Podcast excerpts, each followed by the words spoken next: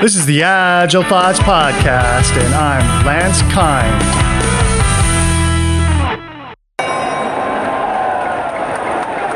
Safe, safe, safe, safe. Ladies and gentlemen, tonight, the main event. Let's get ready to scale Agile. little silhouette of an scrum and scale, scrum and scale. You will do Come on, scrum and Dad. Let's go get him, Dad. Less is more. Less Come is on, more. Dad. Less is You've been more. working really Less hard. is more. You've been working out every day. You're so disciplined, Dad. Let's go, Dad. Go in the ring. Get him, Dad. Less is more. Less is more. Come Less on, is more. Mom. You get in there and you beat him to a pulp, Mom. This is the first episode of the third series of Agile Framework Fight Night. This fight night was hosted in Seattle by Beyond Agile, a meetup that you can find at meetups.com. Like the first Agile Framework Fight Night, we brought together another winning panel of experts who really want to win and represent their framework. And the frameworks we have are in the far corner, representing Discipline Agile Delivery, we have Ricardo Garcia, God of Doom. Come on, Dad. Let's go get him, Dad. In the other corner, representing Fast Agile, we have Ron Quartel, Crocodile, Ron D. In the other corner of the ring, surrounded by five exaflops of computing power, is Barry L. Smith, representing Team Nexus. We will have Nexus, Nexus, Nexus. also known to his fans as the Nexus Knight. And in the other corner, an austere part of the corner, is Team LeSS. And representing LeSS is Victor Grgic, the Simplifier. Less is more. Less is more. Less is more. And the moderation was done by yours truly, Lancer Kind, the Unkind. I am Ron Quartel, a developer still at heart, sometimes in practice.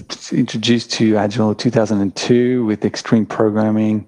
Stayed in the Agile world ever since. Had lots of roles: dev manager, consultant, coach, etc. And um, somewhere along the line there, I had a, an epiphany, and you'll hear about that tonight. All right, that's Crocodile Ron D, folks.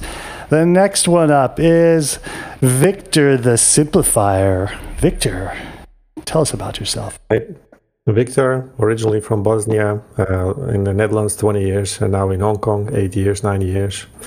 Uh, also develop kind of a similar to what Ron explained. it's kind of a, so uh, not much different. So um, I've been experimenting with uh, a lot for many years with how to make many teams uh, work together. So um, in all kinds of companies. That's Team LeSS for Victor and Fast Agile for Ron. Now we have Ricardo Garcia, Dad of Doom. Hi everyone. I started my career back in '87, uh, and I started with uh, Agile back in uh, 2000. Have been working with large enterprise, never been them, and I just love uh, developers, developing my teams, and the corporation. So work at Costco. Hey, hey, hey, Ricar- Ricardo, you also you also run your own meetup on the side too. You want to mention what that is? Discipline Agile, Seattle Discipline Agile meetup. So shockingly enough, he'll be he'll be fighting for Team Discipline Agile. Then now There's something happened in the background, folks. I don't know exactly the full story. Maybe he'll share. But Barry the Blizzard is being retired. Uh, nobody knows what happened to that guy. He used to be team safe. But today, we have today the Knight of Nexus, Barry. Hi, everyone. I'm Barry Smith. Uh, I am a recovering product manager. I started that career back shortly before the turn of the last century. Um, in 2008, I had the great fortune to fall in with a bad crowd of Scrum activists. Oh, no. And I was lured into their cultish ways. And ever since then, I have uh, devoted my life to pursuing approaches to agile and agility. And uh, most importantly, I have uh, taken this on in the effort to fight Taylorism in all its dark forms. So I, I am here this evening to talk about the value of applying Zenexus. We are Zenexus as a way to remain true to the values of Scrum and still bring the benefits of Scrum to larger organizations. There we go, folks. We have a new team here. Team Nexus has descended upon us. The Nexus. All right. So the first question How does your framework ensure alignment with business priorities? And this is from Linda Merrick.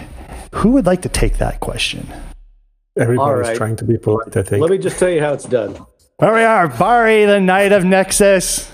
So, as many of you may or may not be aware, a fundamental aspect of Nexus is that there is one product backlog and there it is owned by one product owner. This greatly facilitates the interaction with the business community and other stakeholders because it's very clear what the teams, what the Nexus is working on and how it is prioritized. A fundamental goal of the product backlog is to expose the priorities of the Nexus to the organization and to allow them be, to be visible for inspection. So, from that standpoint on, we always maintain the visibility with our stakeholders. Also, we uh, insist on a Nexus sprint review at the end of every iteration. So, this is instead of one or another team demonstrating their individual elements of their contribution to the product goal. In fact, the entire Nexus contributes to doing a sprint review, which shows the organization and all the stakeholders exactly where the entire body of work is in terms of accomplishing the product goal. So, uh, Nexus takes the transparency and frequent feedback that we enjoy in Scrum and applies this on a larger scale. So our business stakeholders are always clear on what we're working on, what our goals are, and have the opportunity every iteration to review the work we've done and provide us feedback. That is how Nexus aligns with business priorities. Nice. All right. Who else would like to take that question? I figured out I should always go after Barry because it saves me lots of time. Because uh, what he says is all gonna be pretty much uh, similar to what I'm gonna say about LeSS, and um, so there isn't much a difference. Uh, so the addition to um, that is. Um, uh, is the word alignment is kind of fascinating. Uh, the first time I read the question, I thought uh, alignment. We don't use that word actually in LeSS in teaching, etc. We don't really talk about alignment. So I wonder, does it mean there is no alignment? And then I figured out um, uh, no, actually, uh, alignment implies that there is something to align, uh, meaning there's two different things and you need to align them. And so the difference in how LeSS does it, there's, there's no two different things, it's one and the same thing. So you ensure that what teams are working on is the actual business priority. So there's no translation in between, there are no layering in between. So this is a key thing. Okay, that was Victor the Simplifier. Who else would like to take this? Let me follow there because I, I also was thinking a lot on this one. All the agile frameworks align with the business. That's basically what we're looking in the frameworks. But some of the areas that discipline agile give you a good uh, perspective and it have a complete area in the framework about business strategy and the enterprise.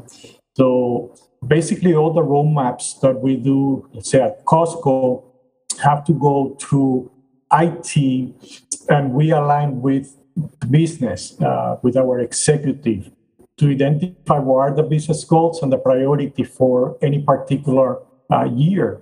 Uh, how we optimize uh, the flow of the work coming to IT just to ensure business value the needs of uh, HR, uh, how we manage the people, the finance, especially on the budgets. We have a very hard time changing from the waterfall to the agile budget.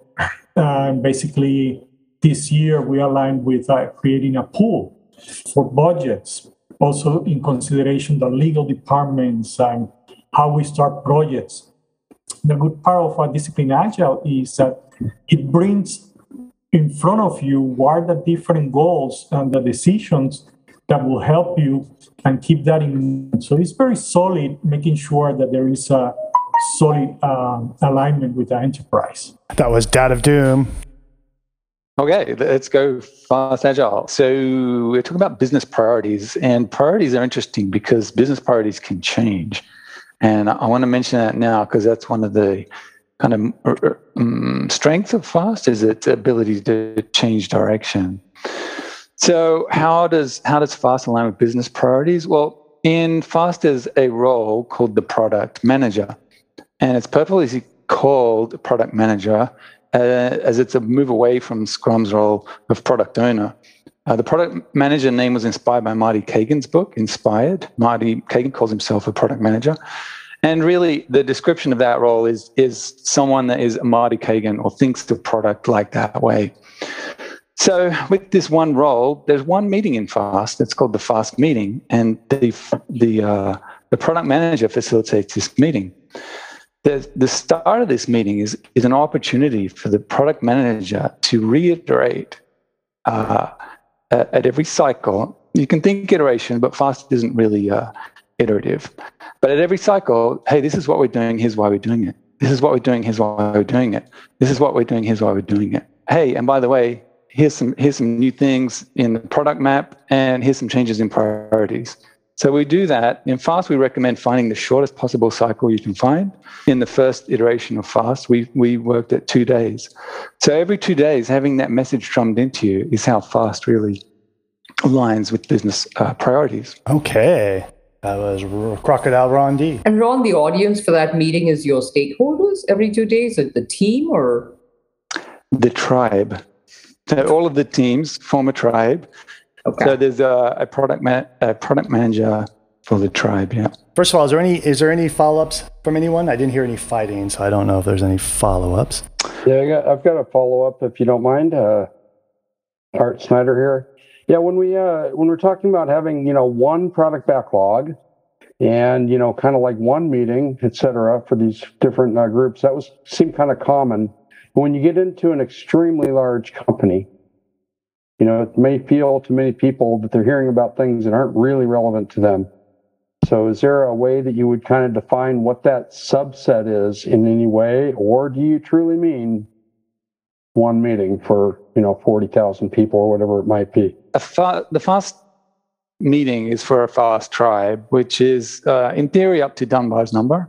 And the, the, theory there is past that, things start falling apart. The focus of that tribe is, is on some business objective. So that's where we communicate that objective over and over and over and repeat it. So a broader, the broader issue of like uh, portfolio management and, and that kind of uh, I'm, I'm, guessing you're talking at that level, Art, where you got 40,000 people. Mm-hmm. So then you're talking about uh, multiple tribes, of course.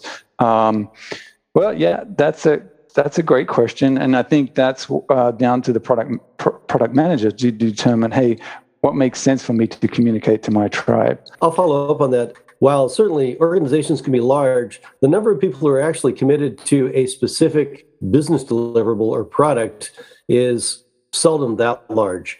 And if it gets larger than, say, 100 people, we probably need to start asking ourselves if that's an effectively sized organization to commit to and fulfill certain objectives together. One of the things that Nexus calls out is that we think uh, like SAFe says that an agile release train might be up to a dozen teams. That gets to be an awful lot of people and probably unworkable. Nexus, we prefer to keep our groups, our nexus in the area of three to nine teams. And when we get larger than that, then we need to begin to ask ourselves if we're properly structuring our delivery organizations and our stakeholders to align closely enough on a specific enough deliverable, or if we're just trying to boil the ocean. I see so often large companies might actually be uh, very fixated on Conway's law, you know, where people are actually uh, organized through who they report to, and they may be very horizontally organized, which Yes. means in order to create a value stream with these horizontal plaques that are going all the way across the whole organization, you wind up not having, you know, that focus.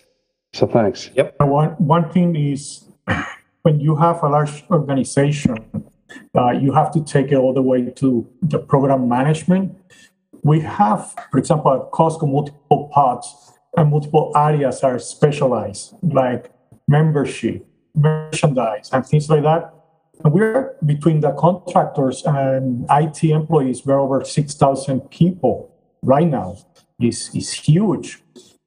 So it actually have an organization that allow us to have the products.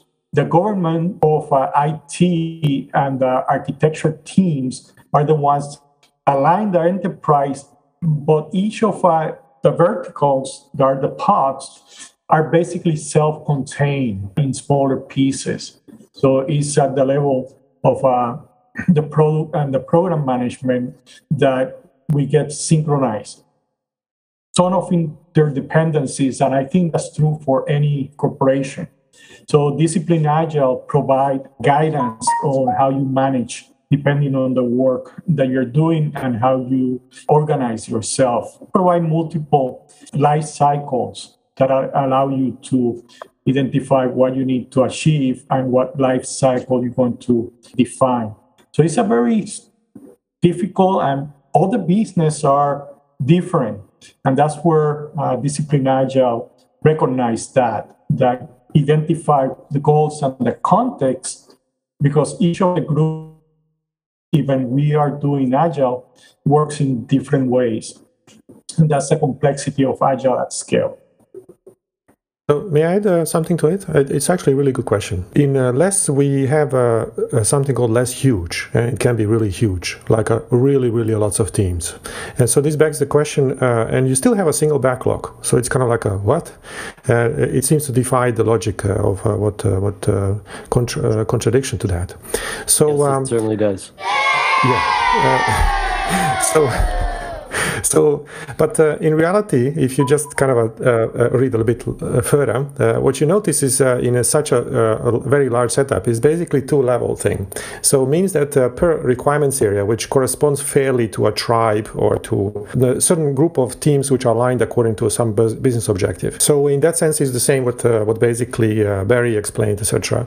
And but then you have on top of that basically the the, the backlog, which has everything. So does it? Um, uh, what what does it contain? What it contains basically big stuff, which is then picked up by each of the different requirements uh, areas or tribes, or whatever you want to call it, and then it's being executed upon on a detail level. So, but then uh, if you kind of follow the thought, that sounds awfully like a program management, port, uh, portfolio management, etc. You could argue that there is a one huge difference, and that's why we definitely don't call it program or portfolio or anything like that. uh, is that it's uh, basically not based on some kind of a quarterly or yearly planning or budgeting or anything like that. It's basically changing every single sprint.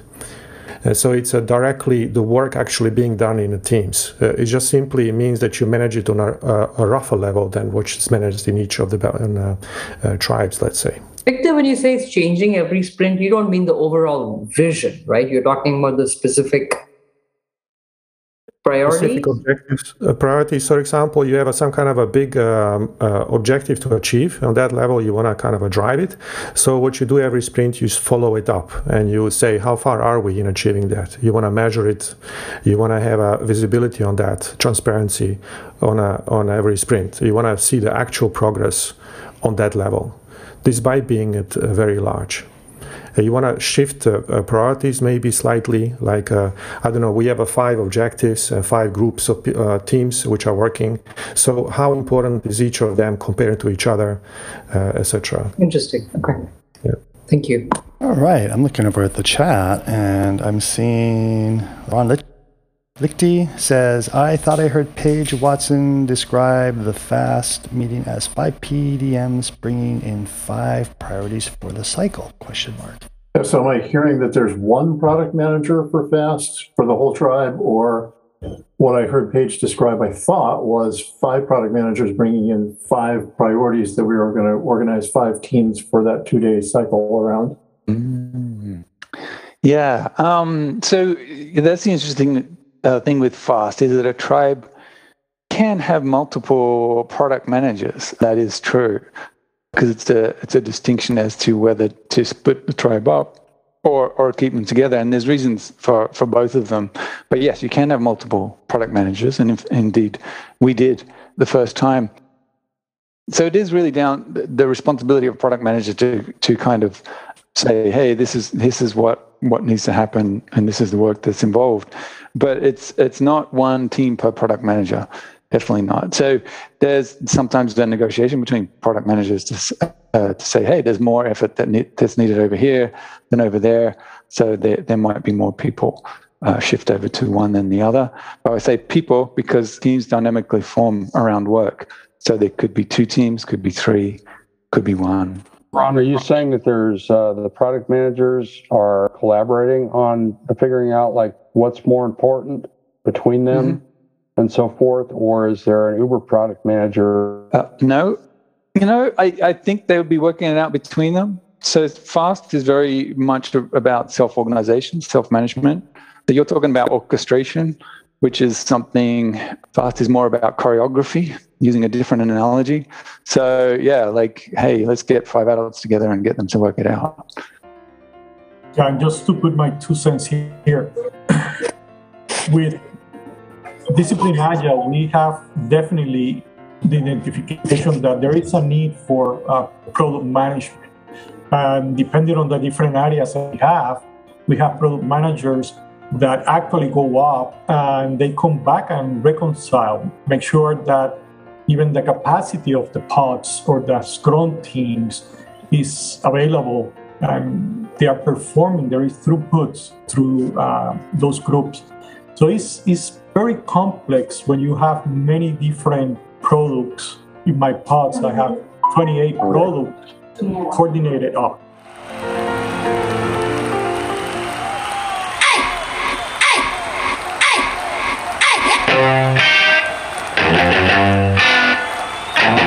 Are you new to Agile or Scrum? Looking for a fun way to pick up the knowledge to become an Agile team? Go get the novel Agile Noir. A dramatic novel about a project manager who needs to transform his teams to become agile because his life depends on it. This book is available in the US on Amazon, in India on Pothi.com. In China, it's available on my WeChat store. Links are in the show notes. check out the show notes because we've got goodies like links back to the meetup site and uh, links back to previous bouts of Agile Framework Fight Night. What are show notes? Show notes show up in your podcast player for your easy tapping. If you don't use a podcast player, go back to the website where you downloaded this MP3 and you will see show notes right there in the web page. In the next episode, the panelists fight over the following question. There's a question from Ron. He's asking Is Nexus essentially what others are calling a tribe? Seems like, so from John Jorgensen, seems like huge enterprises would have huge concerns to resolve for the people of the world and inside the organization. We'd like to talk about crafting experiments, see if hardware, software, or other kinds of works run through the organization.